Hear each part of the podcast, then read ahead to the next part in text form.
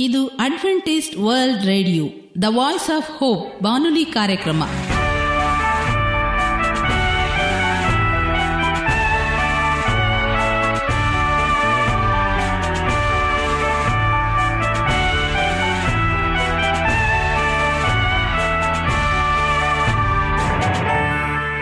ನಮಸ್ಕಾರ ಪ್ರೀತಿಯ ಕೇಳುಗರೆ, ನಮ್ಮ ನಿಲಯದ ಕನ್ನಡ ಕಾರ್ಯಕ್ರಮಕ್ಕೆ ತಮ್ಮೆಲ್ಲರಿಗೂ ಆತ್ಮೀಯ ಸುಸ್ವಾಗತ.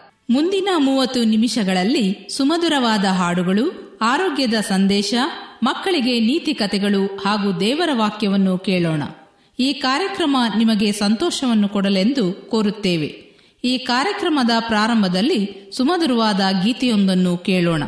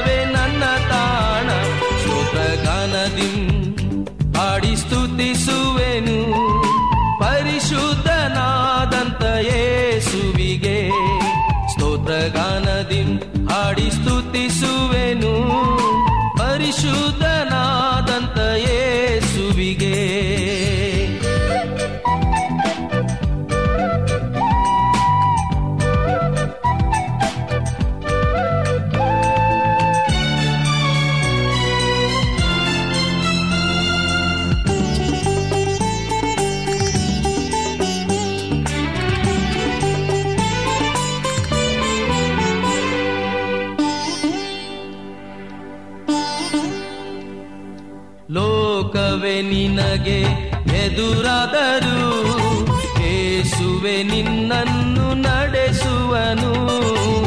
ಲೋಕವೆ ನಿನಗೆ ಎದುರಾದರೂ, ಏಸುವೆ ನಿನ್ನನ್ನು ನಡೆಸುವನು. ಸಂಕಷ್ಟ ಚಿಂತೆ ಏನೇ ಇರಲಿ, ಕೈ ಹಿಡಿದು ನಡೆಸುವ ಸೃಷ್ಟಿಕರ್ತ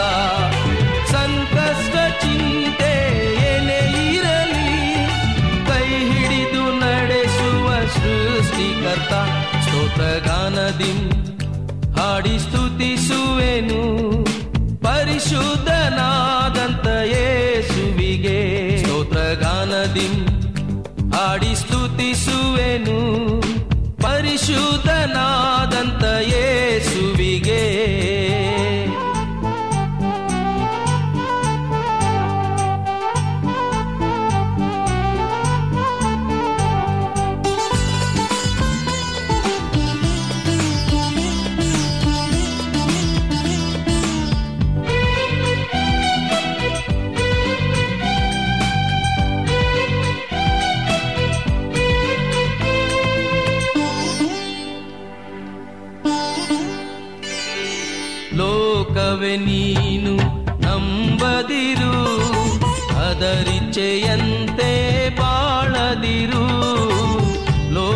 ನೀನು ನಂಬದಿರು ಅದರಿಚ್ಛೆಯಂತೆ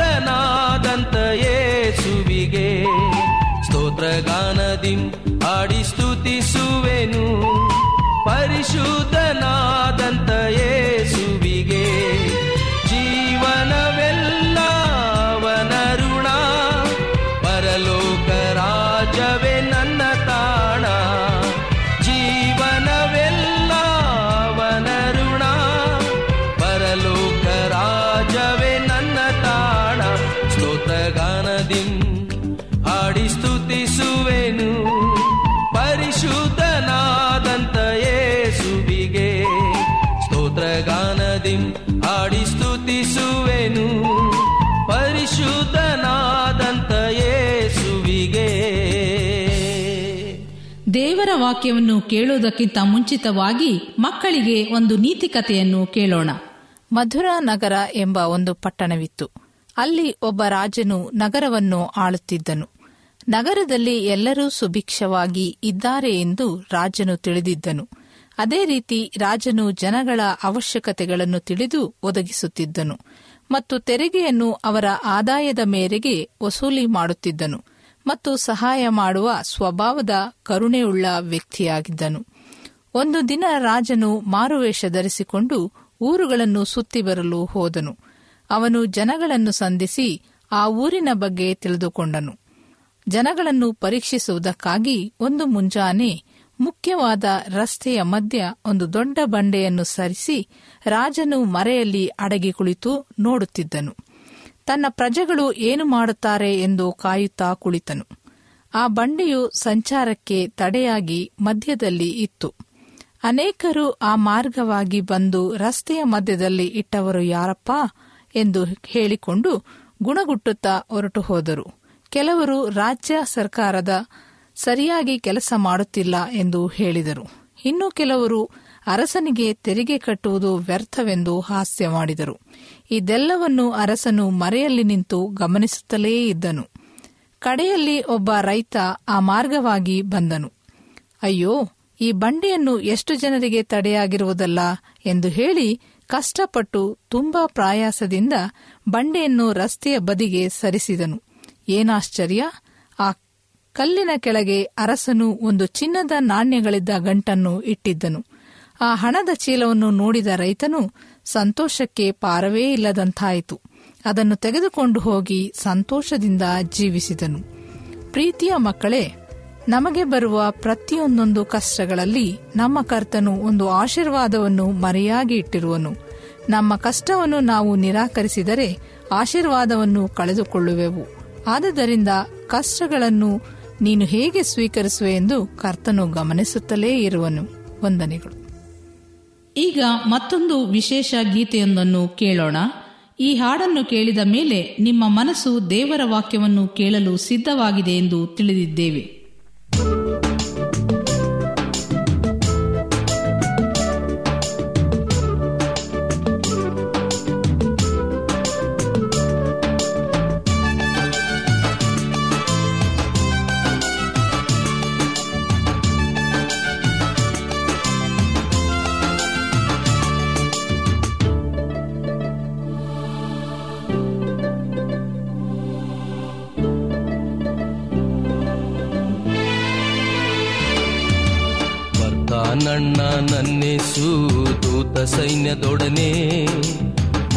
ಮಾಡ್ತಾನಣ್ಣ ನನ್ನೇಸು ನೂತನ ರಾಜ್ಯವನು. ಬರ್ತಾನನ್ನ ನನ್ನೇಸು ದೂತ ಸೈನ್ಯದೊಡನೆ. ಮಾಡ್ತಾನಣ್ಣ ನನ್ನೇಸು ನೂತನ ರಾಜ್ಯವನು. ಹೋಸನ್ನ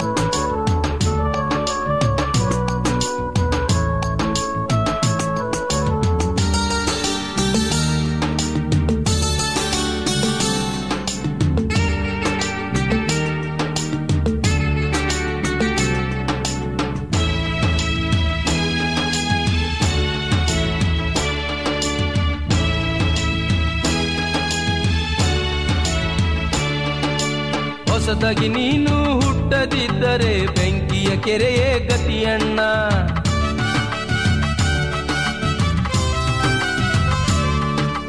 ಹೊಸದಾಗಿ ನೀನು ಹುಟ್ಟದಿದ್ದರೆ ಬೆಂಕಿಯ ಕೆರೆಯೇ ಗತಿಯಣ್ಣ. ಹೊಸ ರಾಜ್ಯದಲ್ಲಿ ನಿನಗೆ ಎಂದು ಸ್ಥಳವಿಲ್ಲಣ್ಣ. ಹೊಸ ರಾಜ್ಯದಲ್ಲಿ ನಿನಗೆ ಎಂದು ಸ್ಥಳವಿಲ್ಲಣ್ಣ. ಆ ದೇವರ ನಂಬಿ ಪಡೆದುಕೋ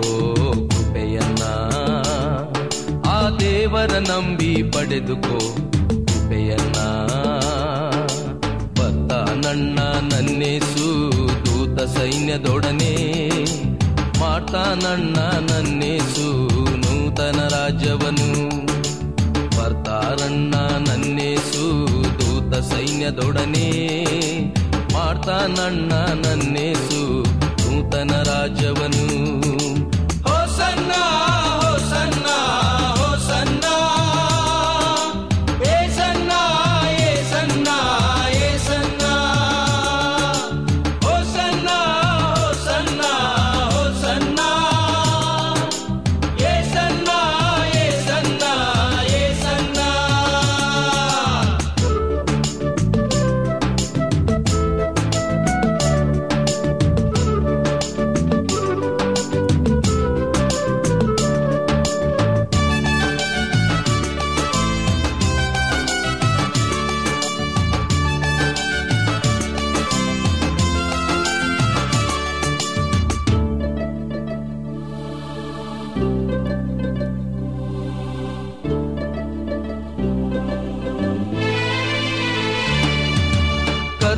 ತಾನೇ ಪ್ರಧಾನ ದೂತರೊಂದಿಗೆ ಇಳಿದು ಬರ್ತಾನಣ್ಣ.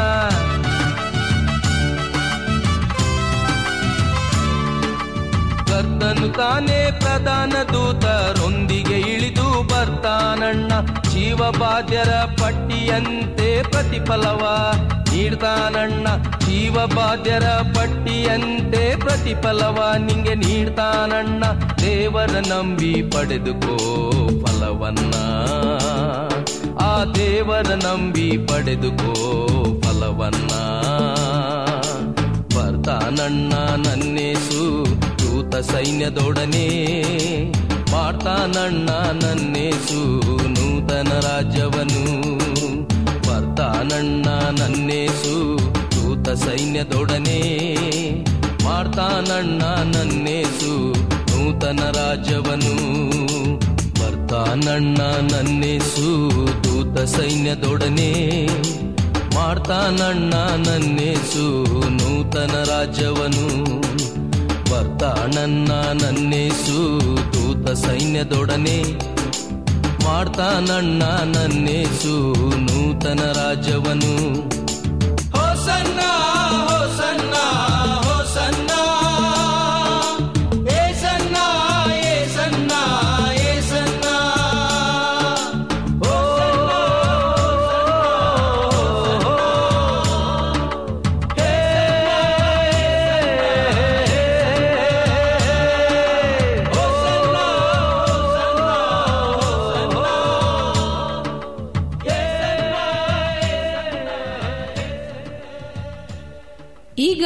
ಬಾನುಲಿ ಬೋಧಕರಾದ ಸುರೇಂದ್ರರವರಿಂದ ದೇವರ ವಾಕ್ಯವನ್ನು ಕೇಳೋಣ. ಮನಬರಗುವ ಪ್ರಾರ್ಥನೆಗೆ ದೇವರು ಉತ್ತರ ಕೊಡುತ್ತಾನೆ ಎಂಬುದಾಗಿ.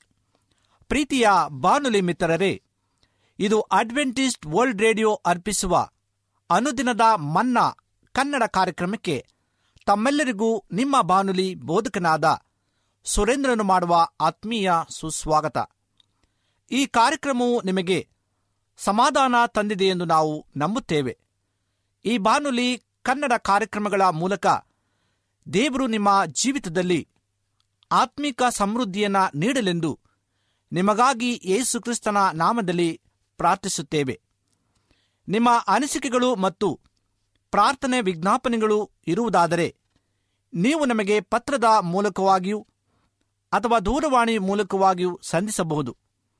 ನಮ್ಮ ದೂರವಾಣಿ ಸಂಖ್ಯೆ ಒಂಬತ್ತು ಸೊನ್ನೆ ಆರು ಸೊನ್ನೆ ಆರು ಎಂಟು, ನಾಲ್ಕು, ಏಳು ಏಳು, ಮೂರು, ಹಾಗೂ ಒಂಬತ್ತು, ಒಂದು, ಮೂರು, ಒಂಬತ್ತು, ಎರಡು ಎರಡು, ಮೂರು ಮೂರು, ಎಂಟು, ಆರು. ನಮ್ಮ email address Surendra John four five six at Gmail dot com ಎಂಬುದಾಗಿ. ಈ ಕಾರ್ಯಕ್ರಮವನ್ನು ನೀವು ನಿಮ್ಮ ಮೊಬೈಲ್ನಲ್ಲಿ ಸಹ ಕೇಳಬಹುದು. ನಿಮ್ಮಲ್ಲಿ ಐಫೋನ್ ಮತ್ತು ಆಂಡ್ರಾಯ್ಡ್ ಮೊಬೈಲ್ ಇರುವುದಾದರೆ ಪ್ಲೇಸ್ಟೋರ್ಗೆ ಹೋಗಿ ವಾಯ್ಸ್ ಆಫ್ ಓಪ್ ಎಂಬ ಆ್ಯಪನ್ನು ಡೌನ್ಲೋಡ್ ಮಾಡಿಕೊಂಡು ನಮ್ಮ ಕನ್ನಡ ಕಾರ್ಯಕ್ರಮವನ್ನು ಕೇಳಬಹುದು. ಈ ಕಾರ್ಯಕ್ರಮದ ಮೂಲಕ ದೇವರು ನಿಮ್ಮ ಜೀವಿತದಲ್ಲಿ ಅದ್ಭುತಗಳನ್ನು ಮಾಡಿರುವುದಾದರೆ ನಿಮ್ಮ ಸಾಕ್ಷಿಯನ್ನು ನಮ್ಮ ಕೂಡ ಹಂಚಿಕೊಳ್ಳುವಾಗೆ ತಮ್ಮಲ್ಲಿ ಕೇಳಿಕೊಳ್ಳುತ್ತೇವೆ. ಇಂದಿನ ಅನುದಿನದ ಮನ್ನ ಎಂಬ ಕನ್ನಡ ಕಾರ್ಯಕ್ರಮಕ್ಕೆ ಸತ್ಯವೇದ ಭಾಗದಿಂದ ಆರಿಸಿಕೊಂಡಂತ ಭಾಗವು ಧರ್ಮೋಪದೇಶ ಕಾಂಡ ಮೂರನೇ ಅಧ್ಯಾಯ ಇಪ್ಪತ್ತ ಐದನೇ ವಚನವನ್ನು ನಾವು ಧ್ಯಾನ ಮಾಡಿಕೊಳ್ಳುವ, ಪ್ರಾರ್ಥನೆ ಎಂಬ ವಿಷಯದ ಬಗ್ಗೆ ತಿಳಿದುಕೊಳ್ಳುವ. ಕರ್ತನೆ, ನಾನು ಈ ಒಳೆಯನ್ನು ದಾಟಿ ಆಚೆ ಇರುವ ಒಳ್ಳೆಯ ದೇಶವನ್ನ ಅಂದರೆ ಆ ಅಂದವಾದ ಬೆಟ್ಟದ ಸೀಮೆಯನ್ನ, ಲೆಬನೋನ್ ಪರ್ವತವನ್ನ ನೋಡುವುದಕ್ಕೆ ಅಪ್ಪಣೆಯಾಗಲಿ ಎಂದು ಭಿನ್ನಯಿಸಿದನು ಪ್ರೀತಿಯ ಬಾನುಲಿ ಮಿತ್ರರೇ, ಇಂದು ನಾವು ಅನೇಕ ರೀತಿಯಾದಂಥ ಆಕಾಂಕ್ಷೆಗಳನ್ನ, ಆಸೆಯನ್ನ ಒತ್ತುಕೊಂಡು ಬಂದಿರುವಂತರಾಗಿದ್ದೇವೆ ಅನೇಕ ಆಶೆಗಳು ಈಡೇರುವಂತದ್ದಾಗಿದೆ, ಆದರೆ ಕೆಲವು ನಿಷ್ಫಲವಾಗಿ ಉಳಿಯುವಂತದ್ದಾಗಿದೆ. ಇಂದು ನಾವು ದೇವರ ವಾಕ್ಯದಲ್ಲಿ ಧ್ಯಾನ ಮಾಡುವಾಗ ಮೋಸೆಯು ದೇವರನ್ನ ಭಿನ್ನಯಿಸುವಾಗ ಆತನು ತನ್ನ ವಿಜ್ಞಾಪನೆಯನ್ನ ಕೇಳ್ತಾನೆ ಎಂಬುದಾಗಿ ಮೋಸೆಯು ದೇವರನ್ನ ಭಿನ್ನಯಿಸುವಂತ ಸಂದರ್ಭ ಇಂದು ನಾವು ದೇವರ ವಾಕ್ಯದಲ್ಲಿ ಧ್ಯಾನ ಮಾಡುವಾಗ ದೇವರು ವಿಶೇಷವಾದಂತ, ಆತ್ಮಿಕವಾದಂತ, ಆಶ್ಚರ್ಯವಾದಂತ ಸಂಗತಿಯನ್ನ ನೀಡಲು ಸಕ್ತನಾಗಿದ್ದಾನೆ. ಮೋಸೆಯು ದೇವರನ್ನ ಭಿನ್ನಯಿಸುವಂತನಾಗಿದ್ದಾನೆ ಕರ್ತನೆ, ನಾನು ಈ ಹೊಳೆಯನ್ನ ದಾಟಿ ಆಚೆ ಇರುವ ಒಳ್ಳೆಯ ದೇಶವನ್ನು, ಅಂದರೆ ಆ ಅಂದವಾದ ಬೆಟ್ಟದ ಸೀಮೆಯನ್ನ ನೋಡುವುದಕ್ಕೆ ನನಗೆ ಅಪ್ಪಣೆಯಾಗಲಿ ಎಂದು ದೇವರನ್ನ ಭಿನ್ನಯಿಸುವಾಗ ದೇವರು ಆತನಿಗೆ ಬೇಡ ಎಂಬುದ ಹೇಳುವಂತಹ ಸಂಗತಿಯನ್ನ ನಾವು ಇಲ್ಲಿ ಕಾಣುವಂತರಾಗಿದ್ದೇವೆ. ಸತ್ಯವೇದದಲ್ಲಿ ಆಂತರ್ಯವನ್ನ ಕಲಕುವ ಪರಿತಾಪಕಾರವಾದಂತಹ ಪ್ರಾರ್ಥನೆಯನ್ನ ಇಲ್ಲಿ ನಾವು ನೋಡುತ್ತೇವೆ. ಮೋಶೆಯ ಈ ಪ್ರಾರ್ಥನೆಗೆ ದೇವರು ಕನಿಕರ ತೋರಿಸಲಿಲ್ಲ. ತನ್ನ ಹೃದಯವನ್ನು ಕಠಿಣ ಮಾಡಿಕೊಂಡನು. ಸುಮಾರು ಮೂವತ್ತು ಲಕ್ಷ ಇಸ್ರಾಯೇಲನ ಮೋಸೆ ಐಗುಪ್ತದ ದಾಸತ್ವದಿಂದ ಬಿಡುಗಡೆಗೊಳಿಸಿ ಒಬ್ಬ ತಂದೆಯಂತೆ ನಲವತ್ತು ವರ್ಷಗಳು ನಡೆಸಿಕೊಂಡು ಬಂದನು. ಮಾರಾದ ಕಹಿಯ ನೀರನ್ನು ಮಧುರವಾಗಿಸಿಕೊಟ್ಟನು. ಅವರು ಮಾಂಸವನ್ನ ತಿನ್ನಬೇಕೆಂದು ಅಪೇಕ್ಷಿಸಿದಾಗ ದೇವರ ಬಳಿ ಪ್ರಾರ್ಥಿಸಿ ಬೇಡಿ ಅವರ ಆಸೆಯನ್ನ ಪೂರೈಸಿದನು ಎಂಬುದಾಗಿ. ಇಂಥ ಕಷ್ಟಕರವಾದಂಥ ದಾರಿಯಲ್ಲಿ ಇಸ್ರಾಯೇಲನ್ನ ಐಗುಪ್ತ ದೇಶದಿಂದ ನಡೆಸಿಕೊಂಡಂತ ಒಬ್ಬ ನಾಯಕನು ಆ ಒಂದು ಸಮಯದಲ್ಲಿ ನಾನು ಆ ಒಳ್ಳೆಯ ದಾಟಿ ಆಚೆ ಇರುವ ಆ ಒಳ್ಳೆಯ ದೇಶವನ್ನ ನಾನು ನೋಡಲು ನನಗೆ ಅಪ್ಪಣೆ ಕೊಡಿ ಎಂಬುದಾಗಿ ದೇವರನ್ನ ಕೇಳಿಕೊಳ್ಳುವಾಗ ಭಿನ್ನಯಿಸುವಾಗ ದೇವರು ಆತನ ಕೋರಿಕೆಗೆ ಉತ್ತರವನ್ನ ಕೊಡಲಿಲ್ಲ ಎಂಬುದಾಗಿ ನಾವು ಕಾಣ್ತೇವೆ. ಇಂದು ನಾವು ಅನೇಕ ರೀತಿಯಾದಂಥ ದೇವರ ವಾಕ್ಯದಲ್ಲಿ ಬೆಳೆಯಬಹುದು, ದೇವರ ವಾಕ್ಯವನ್ನ ಸಾರಬಹುದು. ಅನೇಕರಿಗೆ ಕರ್ತನ ಮಿಸಿದ್ದ ನಾವು ಸಾಕ್ಷಿಯನ್ನು ಹೇಳಬಹುದು. ಆದರೆ ಪರಲೋಕ ರಾಜ್ಯವನ್ನ ನಾನು ಸೇರಬೇಕೆಂಬ ನಿರೀಕ್ಷೆ ನಮ್ಮಲ್ಲಿ ಇಲ್ಲದೆ ಇರುವಾಗ ಆತನು ಎಂತಹ ಪರಿತಾಪಕರವಾದಂತಹ ಸಂಗತಿಯನ್ನ ಎದುರಿಸಿದ ಎಂಬುದನ್ನು ನಾವು ಕಾಣ್ತೇವೆ. ಅನೇಕ ಬಾರಿ ಇಸ್ರಾಯೇಲರು ಐಗುಪ್ತ ದೇಶಕ್ಕೆ ಹಿಂದಿರುಗಬೇಕೆಂದು ಬಯಸಿ ಆರೋನನನ್ನು ಮೋಸೆಯನ್ನ ಕಲ್ಲಿಸಿದು, ಕೊಲ್ಲಬೇಕೆಂದು ಬಯಸಿದರು. ಸದಾ ಗುಣಗುಟ್ಟುತ್ತಾ ದೇವರಿಗೆ ದ್ರೋಹ ಮಾಡಿದರು. ಆ ಸಮಯಗಳಲ್ಲೆಲ್ಲ ಮೋಶೆ ಅವರಿಗೆ ಪ್ರಾರ್ಥನೆ ಮಾಡುತ್ತಾ ಮನವಿಗಳನ್ನ ಸಲ್ಲಿಸುತ್ತಾ ದೇವರ ಕೋಪ ಅವರ ಮೇಲೆ ಎರಗದಂತೆ ತಡೆದನು. ಒಂದು ವೇಳೆ ಮೋಸೆ ಅವರಿಗಾಗಿ ಪ್ರಾರ್ಥನೆ ಮಾಡಲಿಲ್ಲ ಎಂಬುದಾಗಿ ಅಂದುಕೊಂಡಂತ ಪಕ್ಷದಲ್ಲಿ ಇಸ್ರಾಯೇಲರು ಸಂಪೂರ್ಣವಾಗಿ ಆ ಅರಣ್ಯದಲ್ಲಿ ದೇವರ ಕೋಪಕ್ಕೆ ಬಲಿಯಾಗುತ್ತಾ ಇದ್ದರು. ಇಸ್ರಾಯೇಲರು ಮೊಹಬ್ಬರ ಹೆಂಗಸರೊಂದಿಗೆ ಸಂಬಂಧ ಬೆಳೆಸಿ ಅವರ ದೇವತೆಗಳಿಗೆ ಯಜ್ಞಗಳನ್ನ ಅರ್ಪಿಸಿ ಚಿನ್ನದ ಬಸವನನ್ನ ಮಾಡಿ ಅಡ್ಡಬಿದ್ದಾಗ ದೇವರು ಅವರನ್ನು ಒಂದು ನಿಮಿಷದಲ್ಲಿ ನಾಶ ಮಾಡಲು ತೀರ್ಮಾನಿಸಿದನು. ಆಗ ಮೋಸೆ ಇಸ್ರಾಯೇಲರಿಗಾಗಿ ಪೌಳಿಯ ಸೀಡಿನಲ್ಲಿ ನಿಂತನು. ಎರಡನೆಯ ಬಾರಿ ಇಸ್ರಾಯೇಲರಿಗೆ ನೀರು ಸಿಗದೆ ಹೋದಾಗ ದೇವರು ಮೋಸೆಯ ಬಳಿ ಬಂಡೆಯನ್ನ ನೋಡಿ ಮಾತನಾಡು ಎಂದು ಹೇಳಿದನು. ಅದು ನೀರು ಕೊಡುವುದು ಎಂಬುದಾಗಿ ಹೇಳುವಾಗ ಮೋಸೆಯು ಆದರೆ ಇಸ್ರಾಯೇಲರ ವರ್ತನೆಯಿಂದ ಬೇಸರಗೊಂಡಿದ್ದ ಆ ಸಮಯದಲ್ಲಿ ತನ್ನ ಕೋಲಿನಿಂದ ಬಂಡೆಯನ್ನ ಒಡೆಯಲು ನೀರು ಉಕ್ಕಿ ಬಂತು. ಆದರೆ ದೇವರು ಮೋಸೆಯ ಅವಿಧೇಯತೆಯನ್ನು ಸಹಿಸಲಿಲ್ಲ. ಆ ಬಂಡೆ ಕ್ರಿಸ್ತನೇ ಆಗಿದ್ದನು ಎಂಬುದಾಗಿ ಪೌಲನು ಬರೆದ ಒಂದು ಕೊರಿಂತ ಹತ್ತನೆಯ ದೇಯ ನಾಲ್ಕನೇ ವರ್ಷದಲ್ಲಿ ಸ್ಪಷ್ಟವಾಗಿ ತಿಳಿಸುವಂತದ್ದಾಗಿದೆ. ಮೋಶೆ ಕಾನಾನಿನ ದೇಶವನ್ನ ಪ್ರವೇಶಿಸಲೇ ಇಲ್ಲ. ಒಂದು ಸಣ್ಣ ತಪ್ಪಿಗೆ ಇಸ್ರಾಯೇಲನ್ನ ನಲವತ್ತು ವರ್ಷಗಳು ಪಾಲಿಸಿಕೊಂಡಂತ ಬಂದಂತ ಒಬ್ಬ ನಾಯಕನು ದೇವರ ನಂಬಿಕಸನಾಗಿದ್ದಂತ ಮೋಶೆಯು ಆ ಕಾನಾನ್ ದೇಶವನ್ನ ಪ್ರವೇಶಿಸಲಿಲ್ಲ ಎಂಬುದಾಗಿ ನಾವು ಅಂದುಕೊಳ್ಳುವಾಗ ಅನೇಕ ರೀತಿಯಂತ ತಪ್ಪು ಅಪರಾಧಗಳಿಂದ ನಾವು ಕೂಡಿರ್ತಕ್ಕಂಥ ಈ ಒಂದು ಲೋಕದಲ್ಲಿ ನಾವು ಜೀವಿಸುವಾಗ ಪ್ರತಿನಿತ್ಯವೂ ಸಹ ಒಂದಲ್ಲ ಒಂದು ರೀತಿಯಂತ ಕಾರಣಗಳಿಂದ ನಾವು ದೇವರ ವಿರುದ್ಧವಾಗಿ ಕಾರ್ಯಗಳನ್ನು ಮಾಡುವಂಥ ನಾವುಗಳು ನಿಜವಾಗೂ ಸಹ ಪರಲೋಕ ರಾಜ್ಯವನ್ನ ನಾವು ಸೇರುತ್ತೇವೋ ಎಂಬ ನಂಬಿಕೆ ನಮ್ಮಲ್ಲಿ ಇದೆಯಾ?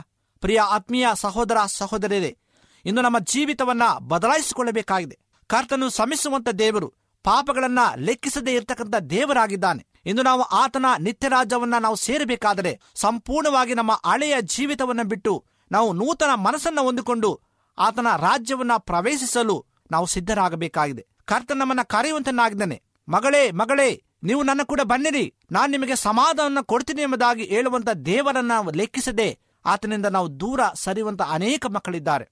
ಇಂದು ಅವರೆಲ್ಲರಿಗೋಸ್ಕರವಾಗಿ ನಾವು ಪ್ರಾರ್ಥನೆ ಮಾಡಬೇಕಾಗಿದೆ. ಪ್ರತಿಯೊಬ್ಬರೂ ಸಹ ಆತನ ಬಳಿ ಬರಬೇಕಾಗಿದೆ. ಎಲ್ಲರೂ ಆತನ ನಿತ್ಯ ರಾಜ್ಯವನ್ನ ಪ್ರವೇಶಿಸಬೇಕಾಗಿದೆ ಎಂಬುದಾಗಿ ಇಂದು ಶುಭ ಸಂದೇಶವಾಗಿದೆ. ಆತ್ಮೀಯ ಪ್ರಿಯ ಸಹೋದರ ಸಹೋದರಿಯರೇ, ಈಗಾಗಲೇ ಒಂದು ಬಾರಿ ಕ್ರಿಸ್ತನು ತನ್ನ ದೇಹವನ್ನ ಸಿಲಿಬೆಯಲ್ಲಿ ಜಡಿಯಲು ಒಪ್ಪಿಸಿಕೊಟ್ಟಿರುವನು. ಪುನಃ ನಿಮ್ಮ ಪಾಪಗಳಿಂದ ಆತನನ್ನು ಸಿಲಿಬೆಯಲ್ಲಿ ಜಡಿಯಬೇಡಿರಿ. ದೇವರು ಅವಿಧೇಯತೆಯನ್ನ ಸಹಿಸುವುದಿಲ್ಲ. ಆತನು ಖಂಡಿಸುವ ದೇವರು ಹೌದು, ಕನಿಕರವುಳ್ಳ ದೇವರು ಹೌದು. ಆತನನ್ನು ಎಂದಿಗೂ ದುಃಖಪಡಿಸಿದಿರಿ ಎಂಬುದಾಗಿ ಈ ಸಂದೇಶವಾಗಿದೆ. ಮತ್ತಾಯನ ಸುವಾರ್ತೆ ಹದಿನೇಳನೇ ಅಧ್ಯಾಯ ಮೂರನೇ ವಚನದಲ್ಲಿ, ಇದಲ್ಲದೆ ಮೋಸಿಯು ಎಲಿಯನ್ನು ಆತನೊಂದಿಗೆ ಮಾತನಾಡುತ್ತಾ ಅವರಿಗೆ ಕಾಣಿಸಿಕೊಂಡರು ಎಂಬುದಾಗಿ. ಇಂದು ಕಾನಾನ್ ದೇಶವನ್ನ ಕಾಣದಿರ್ತಕ್ಕಂಥ ಮೋಸೆಯು ಆತನು ಸತ್ತರೂ ಸಹ ಪರಲೋಕದಲ್ಲಿ ಸೇರಿರ್ತಕ್ಕಂಥ ಸಂಗತಿಯನ್ನು ಕಾಣುವಾಗ ನಿಜವಾಗೂ ದೇವರ ಕ್ಷಮಶ್ರಮದಲ್ಲಿ ದೇವರ ಅನ್ಯೋನ್ಯತೆಯಲ್ಲಿ ನಾವು ನಡೆಯುವಾಗ ನಾವು ಆತನ ರಾಜ್ಯವನ್ನ ಪ್ರವೇಶಿಸಲು ದೇವರು ನಮಗೆ ಅವಕಾಶವನ್ನ ಕೊಡುವಂತನಾಗಿದ್ದಾನೆ. ಇಂದು ದೇವರು ನಮ್ಮ ಪ್ರಾರ್ಥನೆಗೆ ಉತ್ತರವನ್ನ ಕೊಡುವಂತ ದೇವರಾಗಿದ್ದಾನೆ. ಮನಮರುಗುವಂತ ದೇವರು ನಮ್ಮ ಪ್ರಾರ್ಥನೆಯನ್ನು ಕೇಳುವಂತ ದೇವರಾಗಿದ್ದಾನೆ. ಅದಕ್ಕೋಸ್ಕರವಾಗಿ ನಾವು ಭಿನ್ನಯಿಸಬೇಕಾಗಿದೆ ಕರ್ತನೆ ನನ್ನೆಲ್ಲಾ ತಪ್ಪುಗಳನ್ನು ಮನ್ನಿಸು. ನನ್ನ ಪಾಪವನ್ನು ನಿನಗೆ ಅರಕೆ ಮಾಡ್ತಾ ಇದ್ದೇನೆ ಎಂಬುದಾಗಿ ನಾವು ತೀರ್ಮಾನಿಸಿ. ಆತನ ಬಳಿ ಮುಣಕಾಲೂರಿ ನಾವು ಪ್ರಾರ್ಥಿಸುವುದಾದರೆ ಆತನು ಮನಮರುಗಿ. ನಮ್ಮ ವಿಜ್ಞಾಪನೆಯನ್ನೇ ಕೇಳಿ ನಮ್ಮನ್ನು ಆತನು ಅಂಗೀಕರಿಸಲು ಸಿದ್ಧನಾಗಿದ್ದಾನೆ. ಇಂದು ನೀವು ಆ ರೀತಿಯಾದಂಥ ತೀರ್ಮಾನವನ್ನ ತೀರ್ಮಾನಿಸುವುದಾದರೆ ದೇವರು ನಿಮ್ಮ ಪ್ರಾರ್ಥನೆಯನ್ನು ಅಂಗೀಕರಿಸಿ, ನಿಮ್ಮ ವಿಜ್ಞಾಪನೆಯನ್ನು ಲಾಲಿಸಿ, ನಿಮಗೆ ಸದುತ್ತರವನ್ನು ಕೊಟ್ಟು, ನಿಮ್ಮೆಲ್ಲಾ ಕಷ್ಟಗಳಿಂದ, ವಿಪತ್ತುಗಳಿಂದ, ಅನಾರೋಗ್ಯದಿಂದ ದೇವರು ಬಿಡಿಸಿ ನಿಮ್ಮನ್ನ ಸುಖಾವಸ್ಥೆಗೆ ತರಲು ಆತನು ಶಕ್ತನಾಗಿದ್ದಾನೆ. ನೀವು ಆತನ ಬಳಿ ಬರಬೇಕಾಗಿದೆ. ನೀವು ಆ ರೀತಿಯಾದಂಥ ತೀರ್ಮಾನವನ್ನು ನೀವು ತೀರಿಸಿ ಆತನ ಬಳಿ ಬರುವುದಾದರೆ ನಾವು ನಿಮಗಾಗಿ ಪ್ರಾರ್ಥನೆ ಮಾಡುವಂತರಾಗಿದ್ದೇವೆ. ದೇವರು ನಿಮ್ಮನ್ನು ಆಶೀರ್ವಾದ ಮಾಡಲಿ. ಪ್ರಾರ್ಥನೆಯನ್ನು ಮಾಡಿಕೊಳ್ಳೋಣ.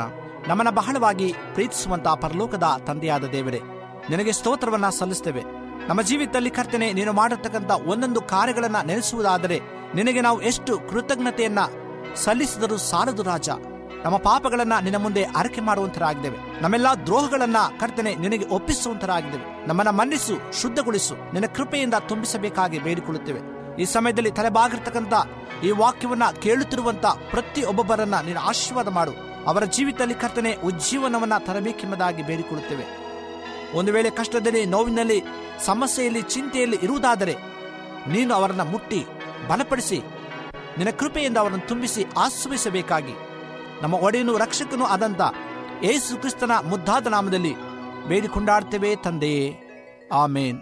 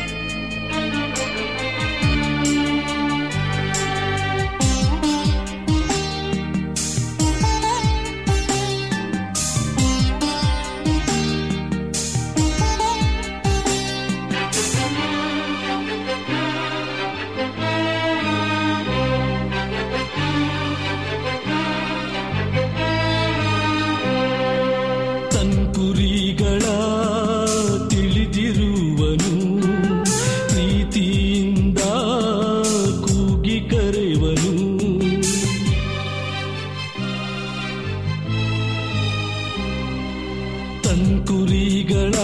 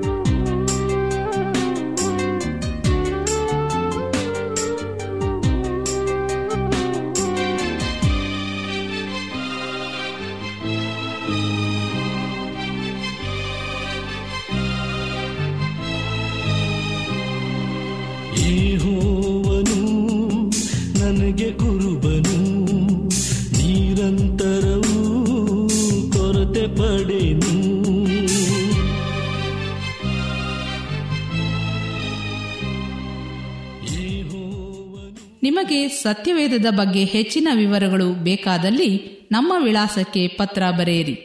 ನಮ್ಮ ವಿಳಾಸ ಅಡ್ವೆಂಟಿಸ್ಟ್ ವರ್ಲ್ಡ್ ರೇಡಿಯೋ ಟಪಾಲು ಪೆಟ್ಟಿಗೆ ಒಂದು ನಾಲ್ಕು ನಾಲ್ಕು ಆರು, ಮಾರ್ಕೆಟ್ ಯಾರ್ಡ್, ಅಂಚೆ ಕಚೇರಿ, ಪುಣೆ ನಾಲ್ಕು ಒಂದು ಒಂದು ಸೊನ್ನೆ ಮೂರು ಏಳು, ಮಹಾರಾಷ್ಟ್ರ, ಇಂಡಿಯಾ. ನಮ್ಮ ಫೋನ್ ನಂಬರ್ ಸೊನ್ನೆ ಒಂಬತ್ತು ಸೊನ್ನೆ ಆರು ಸೊನ್ನೆ ಆರು ಎಂಟು ನಾಲ್ಕು ಏಳು ಏಳು ಮೂರು. ಧನ್ಯವಾದಗಳು. ಮತ್ತೆ ಇದೇ ಸಮಯಕ್ಕೆ ನಿಮ್ಮನ್ನು ಭೇಟಿ ಮಾಡುತ್ತೇವೆ. ದೇವರು ನಿಮ್ಮನ್ನು ಆಶೀರ್ವದಿಸಲಿ. ನಮಸ್ಕಾರಗಳು.